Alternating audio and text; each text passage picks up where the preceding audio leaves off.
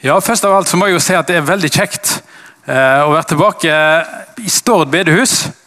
Det er en del år siden jeg var inne i huset sist. Eh, jeg er jo ofte hjemme på Stord i og med at eh, mamma og pappa bor her, men eh, kanskje ikke ofte nok da, eh, sånn i og med at jeg bor litt langt vekke nå. Men eh, det er veldig kjekt å komme tilbake og se masse kjente fjes. Og, og jeg, som Svein Bjørnar har sagt, så har jeg jo tilbrakt veldig mange timer i dette huset. Eh, Så dette er et viktig sted for meg. Derfor er det spesielt å kunne komme tilbake nå som godt voksen eh, med begynnende grå hår og få være sammen med dere her. Det setter jeg veldig pris på, selv om det er sånn litt sånn spenning knyttet til å komme hjem.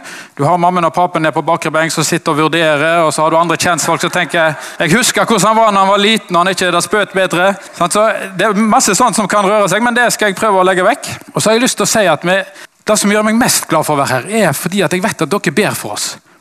Og jeg tror ikke dere vet hvor mye det betyr for oss å vite at vi har masse folk som ber for oss, som husker på oss som familie i hverdagen vår i Bangladesh. Og jeg tenker at Vi som utsendinger som har dratt til et annet land, vi er privilegerte. Fordi vi får oppleve hvordan det er å ha et fellesskap som står bak seg. Ikke bare her i bedehuset, men i forskjellige menigheter, og forsamlinger og foreninger rundt forbi. Og som ber for oss. Jeg skulle ønske enhver av dere kunne oppleve det. å ha da blir omslutta av bønn på det viset som vi gjør. For det merkes. Så jeg har lyst til å takke hver enkelt av dere som har huska på oss i bønn. Og vite at det har en effekt. Og vi merker det i vår hverdag. Så jeg har lyst til å takke dere for det. Og takke dere for at dere er med i det arbeidet vi står i, på det viset der. I Nordmisjon så har vi et ordpar som er viktig for oss, og som sier noe om hvem vi er. Se her, ja. Jeg kan til og med se det der oppe. Det her er elsket og sendt. Og, og, Dette har jeg lyst å si noe om i dag. For Dette handler noe om hvem vi er. Vi er elsket, og vi er sendt. Og så har jeg en sånn underoverskrift som heter 'Kjærligheten har et ansikt', eh, som vi får komme tilbake til. Men i Bibelen så, så Johannes sier i sitt første brev Gud er kjærlighet. Og I Jeremia 31 så sier Gud med evig kjærlighet har jeg elsket deg. Altså, Lenge før vi ble skapt, lenge før jorda ble skapt, så var det en kjærlighet som var der. Så var det en tanke og en visshet om at en dag så ville meg og deg være der. Og så tenkte Gud på oss med kjærlighet. Men, men hva betyr det? Hva betyr det at vi tror og bekjenner en Gud som elsker oss, og som bryr seg om oss? Hva betyr det? Er det bare fine ord? Jeg tenker at denne boka her, den er først og fremst en kjærlighetshistorie. Denne boka er en kjærlighetshistorie. Den forteller om en Gud som etter syndefallet har hatt en plan, og som gjennom historien har jobba for å bringe mennesket tilbake til fellesskapet med seg. Og så har denne kjærlighetshistorien et klimaks, et høydepunkt. Og Klimakset i denne boka er når Gud sender sin egen sønn til verden. I sin kjærlighet så sender han sin egen sønn, ofrer sin egen sønn for deg og for meg. Hør hva Johannes sier i, i 1. Johannes 4, 9 og 10. Og ved dette ble Guds kjærlighet åpenbart blant oss. At Gud sendte sin enbårne sønn til verden for at vi skulle leve ved ham. Ja, dette er kjærligheten. Ikke at vi har elsket Gud, men at Han har elsket oss og sendt sin sønn til soning for våre synder. Og ved dette ble Guds kjærlighet åpenbart blant oss. Jeg er altså nå på første punktet. Fordi at Det var en amerikansk misjonær som heter Heidi Baker, som har sagt at 'love looks like something'. Det er engelsk, og jeg har prøvd å oversette det med dette her 'kjærligheten har et ansikt'. Altså, Kjærligheten må ha et uttrykk. Det, det, kjærligheten er ikke bare en god følelse som er på innsida. Og Da var det heller ikke for Gud. Det handler ikke om en Gud som sitter langt fjernt oppe i en himmel og føler gode ting. Men det handler om en Gud som var villig til å sende sin egen sønn for å dø for oss og for å bringe oss tilbake til fellesskapet med seg. Så for Gud så hadde hans kjærlighet et uttrykk, et ansikt. Og da uttrykket er Jesus Kristus som dør for meg og deg. Love looks like something. Det gjorde det for Gud. Han måtte ofre sin egen sønn. Hvorfor? Jo, fordi han elsker oss. Og han visste at dette er den eneste måten å bringe oss tilbake til kjærlighetsfellesskapet med seg. I det at Jesus kommer, så får vi se tydelig Guds farskjærlighet for oss. Det er hjerter som banker, og som elsker, og en kjærlighet som gir seg utslag i handling. I min barndomsfamilie så var det sånn at det var viktig å være grei og oppføre seg fint. Eh, og, og altså, sånn, Når jeg ser tilbake på det, så tenker jeg at jeg lyktes ganske bra med det. Det, det er mulig at mamma og pappa vil nyansere bildet litt, det, men jeg ikke spør dem. Nå, nå, er det jeg som har ordet. Så hvis, hvis, vi ser stort på det og litt sånn i, til, skuer tilbake, sånn, så tenker jeg at jeg lyktes ganske bra. Jeg hadde aldri det helt store ungdomsopprøret. Jeg gikk på bedehuset ja, og så gjorde jeg de riktige tingene òg. Det var ikke bare at jeg unngikk å gjøre alle de tingene jeg burde unngå, men jeg gjorde mye av de riktige tingene. Jeg husker tilbake på begynnelsen av 90-tallet så hadde vi nattkafé nede i kjelleren. Det er mulig dere har det fortsatt. Men da var jeg med og, hadde nattkafé eh, med noen av dere som sitter her. Og, og um, Vi gikk på gatene og, og evangeliserte. Og vi, vi eh, hadde ra, lagd et ungkristent eh, radioprogram for ungdom. Pappa syntes riktignok at den musikken var kanskje ikke så veldig kristelig, men, men jeg var med og drev kristent ungdomsprogram på radioen. Jeg sang i kor. Jeg var liksom med på de tingene som eh, en god kristen ungdom burde være med på. Og så, I tillegg vet du, så var, i tillegg til alt dette her, så var jeg jo en flittig student. Så Jeg eh, gikk på Stord videregående skole og, og eh, eh, gikk hjem og gjorde mine lekser. Sant? og Kom etter hvert inn på medisinstudiet i Oslo. Sant? Så Det var mye, mye som var bra. Det er klart at Gud var glad i meg. Det var jo mange gode grunner til at Gud skulle elske meg. Og så var det en dag at jeg gjorde en synd som jeg hadde tenkt jeg aldri aldri kunne gjøre. Det var sånn som andre gjorde, men ikke Hallgeir Haaland. Og så falt min verden i grus. Min identitet, mitt selvbilde, den jeg trodde jeg var. Den jeg hadde prøvd å fortelle omverdenen at jeg var. Det falt i grus. Og det var en overveldende opplevelse av skyld, av skam. Og så eh, dette et par uker senere var jeg med på um, preste- og lederoas i Oslo. Og Da var det en kar som heter Trond Hauge som gikk fram og så sa han at Gud har bedt meg om å si noe her. Det er en her i salen som trenger høre noe fra Gud. Gud ønsker seg til deg. Du er min sønn, den elskede. I deg har jeg min glede.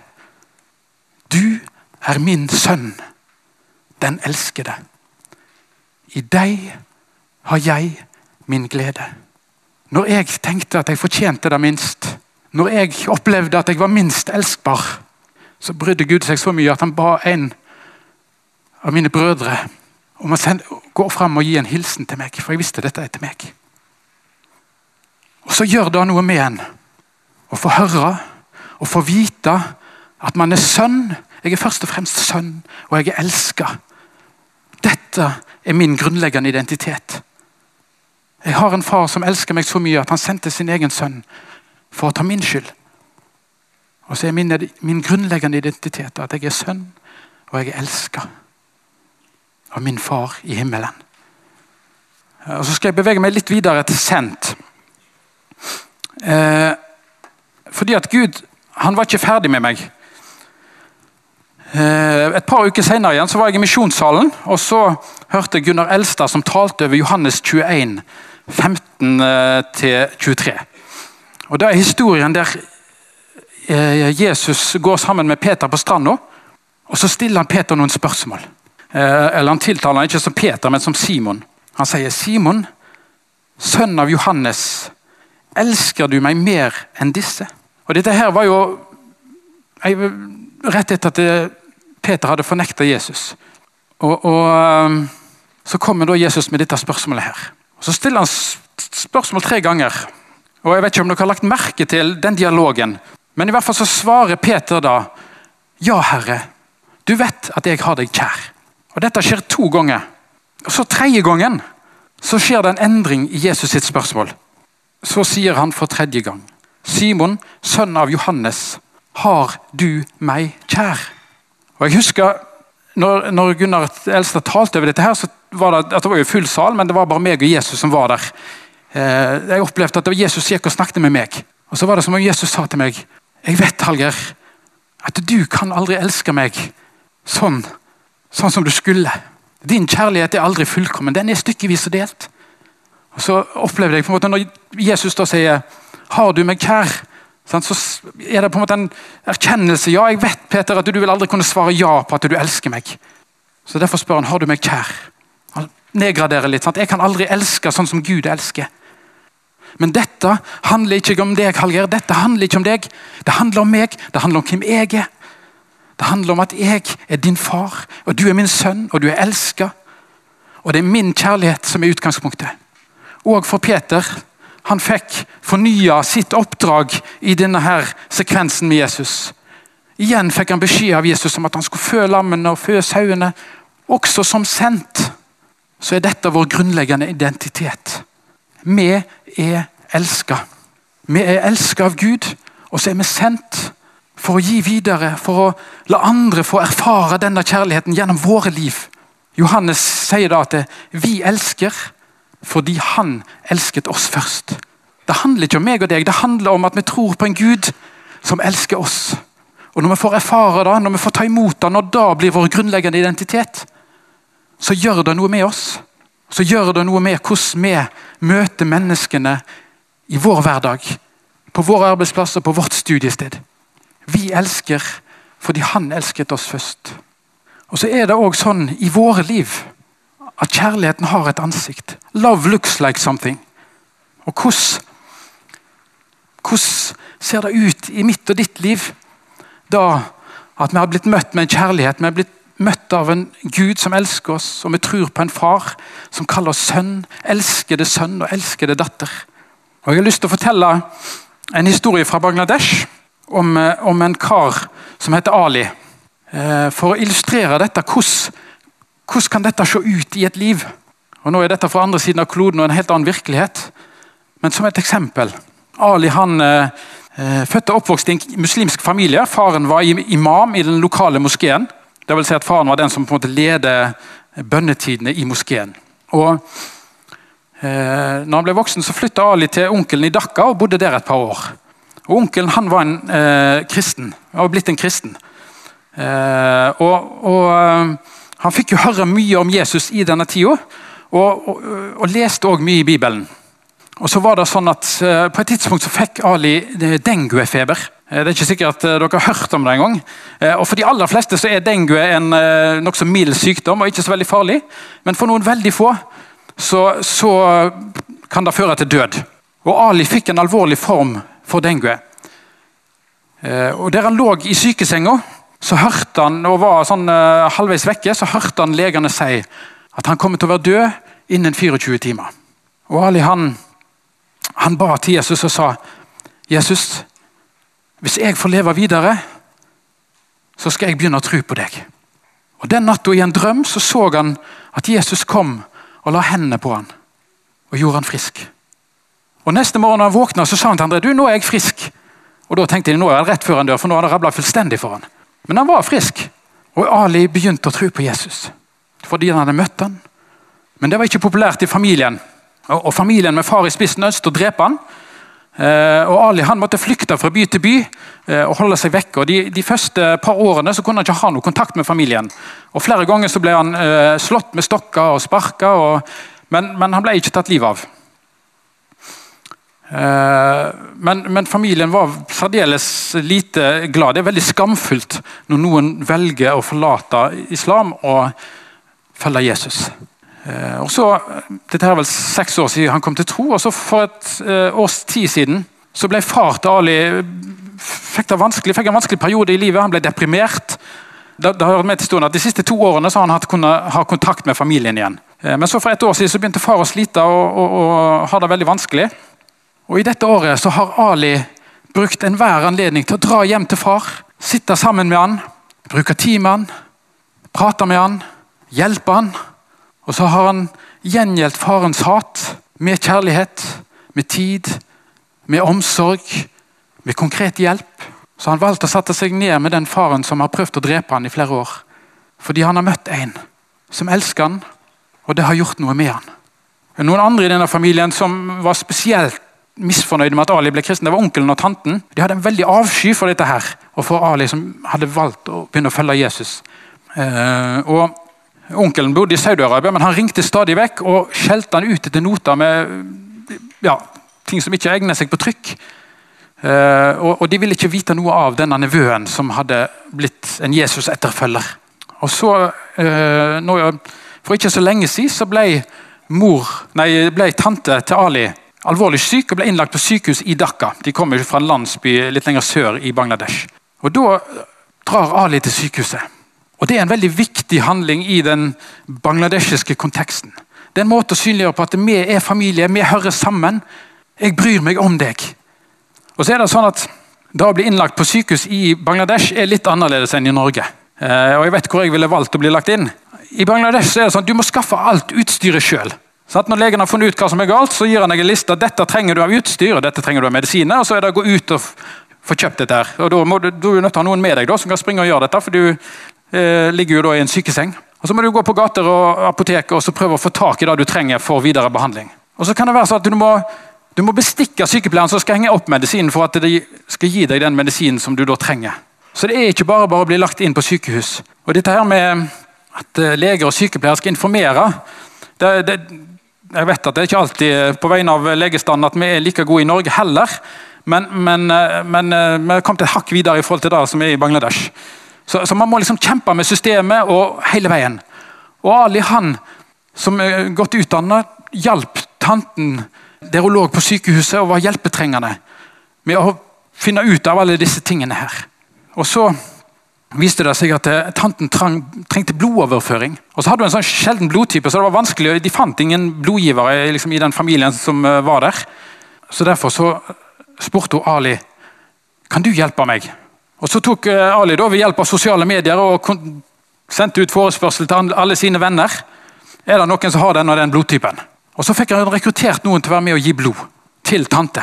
Og Så spurte tante er dette kristent blod. Og Det måtte han jo svare ja på. I den, I den grad man kan snakke om kristent blod. Og I Bangladesh er det sånn at det er familien som stiller opp når man har de behovene der. Men her var det da venner av Ali som aldri hadde truffet tante, kanskje. Som ikke hadde noen relasjon. Hvorfor i all verden skulle de gi blod til denne dama her?